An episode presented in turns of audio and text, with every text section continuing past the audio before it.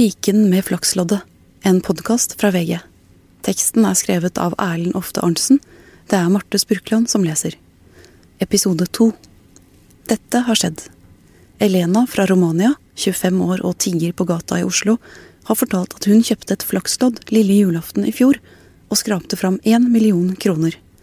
Men Nicolas, den rumenske mannen som skal ha vært halliken hennes, stjal loddet, sier hun. Og han betalte en norsk mann, Einar, 100 000 kroner for å overføre pengene til en rumensk konto. I januar i år anmeldte Elena tyveriet til norsk politi. I februar ble saken henlagt. Men hva om denne julefortellingen er virkelig? Hvor mange flakslodd tror du det selges i Norge hvert eneste år? Nesten 40 millioner. På dette salget omsetter Norsk Tipping for rundt 21 millioner kroner i uken, eller litt over 1 milliard i året. Om det ble solgt ett lodd med milliongevinst på lille julaften i 2013, ville dette være én av ti milliongevinster på seks millioner lodd. Det betyr at sjansen for å skrape fram en milliongevinst altså er 1 til 600 000. Det er ikke mye til sjanse. Det var i begynnelsen av november i år, en måned etter mitt første møte med Elena, at telefonen kom. Roar Jødal jobber i informasjonsavdelingen til Norsk Tipping og hadde fått en del mas fra meg de siste ukene. Personvernreglene til Norsk Tipping hadde vært en ugjennomtrengelig mur, men pleide de ikke å sende ut diplomer til kiosker med vinnerlodd og den slags? Var det mulig å få anonymisert informasjon om vinnerlodd? Nå har jeg sjekket litt, sa Jødal. Han kunne fortelle at det var et lodd som ble levert inn på en Narvesen-kiosk i Torvald Meyers gate i Oslo 23.12. for ett år siden, Loddet hadde, som det eneste denne dagen og uken, en milliongevinst. Men det som er litt rart, er at det ser ut som det er kjøpt i Tromsø, fortsatte Jødal. Tromsø? Det stemte dårlig med Elenas historie. Bli med tilbake til ettermiddagen 13. august 2013. Den da 27 år gamle Nicolas går inn på Systembolaget i Enkjøping, en drøy times kjøring fra Stockholm.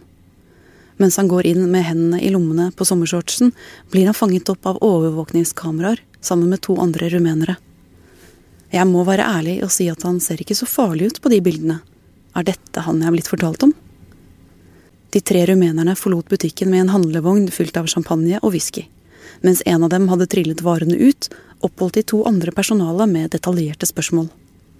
Alle tre ble pågrepet en time senere og varetektsfengslet for dette og fire tilsvarende tyverier fra systembolagbutikker utenfor Stockholm. Nicolas var den eneste som nektet for alkoholtyveriene. Etter en måned i varetekt ble alle tre utvist fra Sverige, ifølge dommen fra Uppsala tingsrett 17.9.2013. Jeg måtte ringe Elena og spørre henne hva hun visste om dette. Hun fortalte at det var i forbindelse med pågripelsen av Nicolas hun hadde fått tak i søsteren sin i Stockholm, og senere kommet seg til Norge igjen. Der møtte hun Nicolas på ny. Dette var noe annet enn det jeg hadde lest i politiavhøret. Der var det beskrevet at de reiste sammen tilbake til Norge. Slik var det med noen andre ting også. Det stemte ikke helt. Men Elena hadde fortalt at det var detaljer politiet trolig hadde misforstått. I den svenske tyveridommen sto det at Nicolas i 2009 også hadde blitt dømt til seks års fengsel for menneskehandel i Romania. En rumensk nettavis beskrev i mai 2006 hvordan tre menn hadde tvunget to kvinner til å selge sex. Nicolas er navngitt i artikkelen. Prostitusjonen foregikk i åtte dager før de ble pågrepet. Etter mange telefoner og en formiddag med mange bomsøk, finner jeg omsider fram i det rumenske rettssystemet. 12. mars 2009 ble Nicolas dømt til seks års fengsel i ankedomstolen i Bucuresti, står det i dommen jeg har på skjermen min. Da jeg leste gjennom politiavhørene med den yngste rumeneren i den svenske tyverisaken, var det to ting jeg la merke til.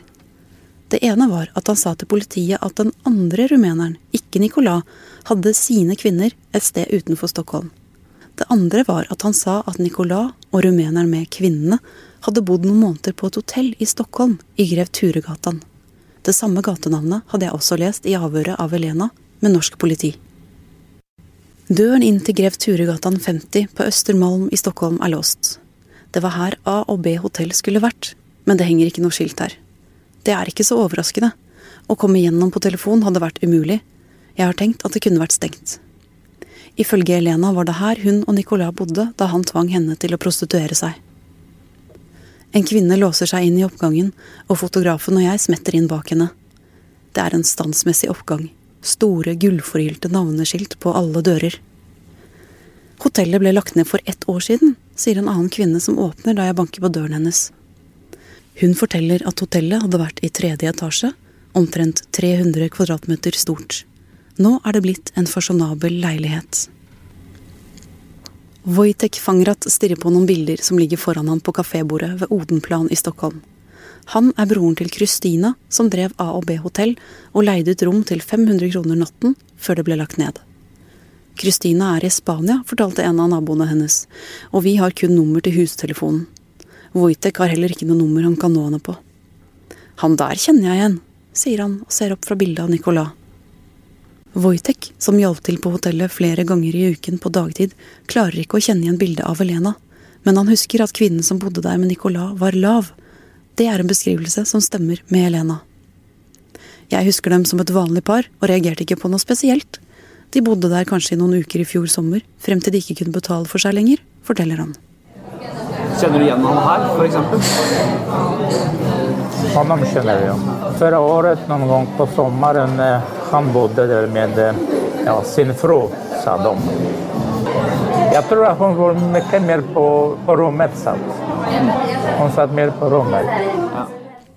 Det er likevel noen ting Wojtek husker, men jeg vet ikke hvor mye man skal legge i dem. At mannen, som han mener var Nicolas, hadde spurt hvordan man registrerer bil i Sverige.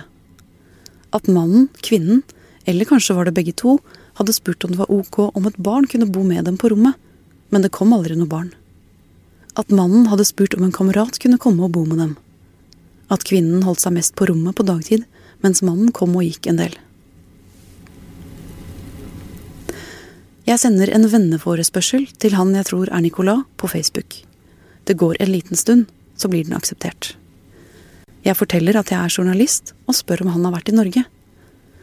Han forteller at han kjøpte et lodd på en Narvesen-kiosk, men han kan ikke si hvilken. Jeg forklarer historien slik jeg er blitt fortalt den. At det var Elena som kjøpte loddet, og at han skal det fra henne. Hva har Elena med dette å gjøre? Hun har ingenting med dette å gjøre. Alt ble ordnet med en bankoverføring gjennom en norsk venn. Elena er bare sur fordi hun ikke fikk penger av meg, skriver Nicolas. Da jeg ber ham svare ja eller nei på om han tok loddet fra henne, svarer han nei. Hvis det var hun som vant på loddet, hvorfor gikk hun ikke til politiet der og da, etter at jeg dro? Hva er det hun vil? Få penger av meg, eller hva? Svarene hans kommer kjappere og kjappere i chatvinduet. Si til henne at ikke engang Gud kan ta pengene fra meg. Vi blir enige om å heller snakke på telefonen. Hva har du gjort med pengene? På banii?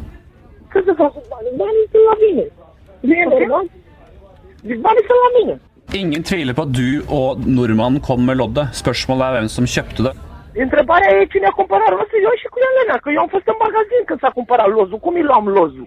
Sau cum ajungea lozul la mine? Că dacă, o- că, dacă o băteam sau... Și dacă o băteam, n-aveam ce să-i fac. Da jeg spør om Stockholm og tvangsprostitusjon, sier han at det er løgn. Jeg kan også si at du har drept to mennesker, men jeg må jo ha bevis. Hvor er likene? Hva slags bevis har jeg å anklage deg for noe?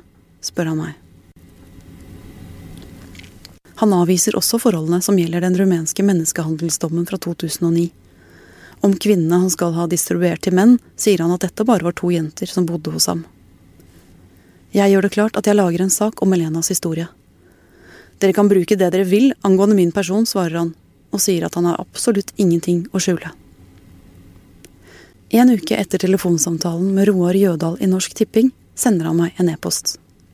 Det ser ut som at vi nå kan gå ut fra at Tromsø ikke er riktig. Loddet er nok kjøpt hos Narvesen på Brynseng T-banestasjon, og det er ikke i Tromsø, men i Oslo. Regn med at det rimer bedre. Roar. Du har hørt del to av Piken med flaksloddet, en podkast fra VG. Teksten er skrevet av Erlend Ofte Arntzen. Det er Marte Spurkland som leser. Del tre kan du høre i morgen.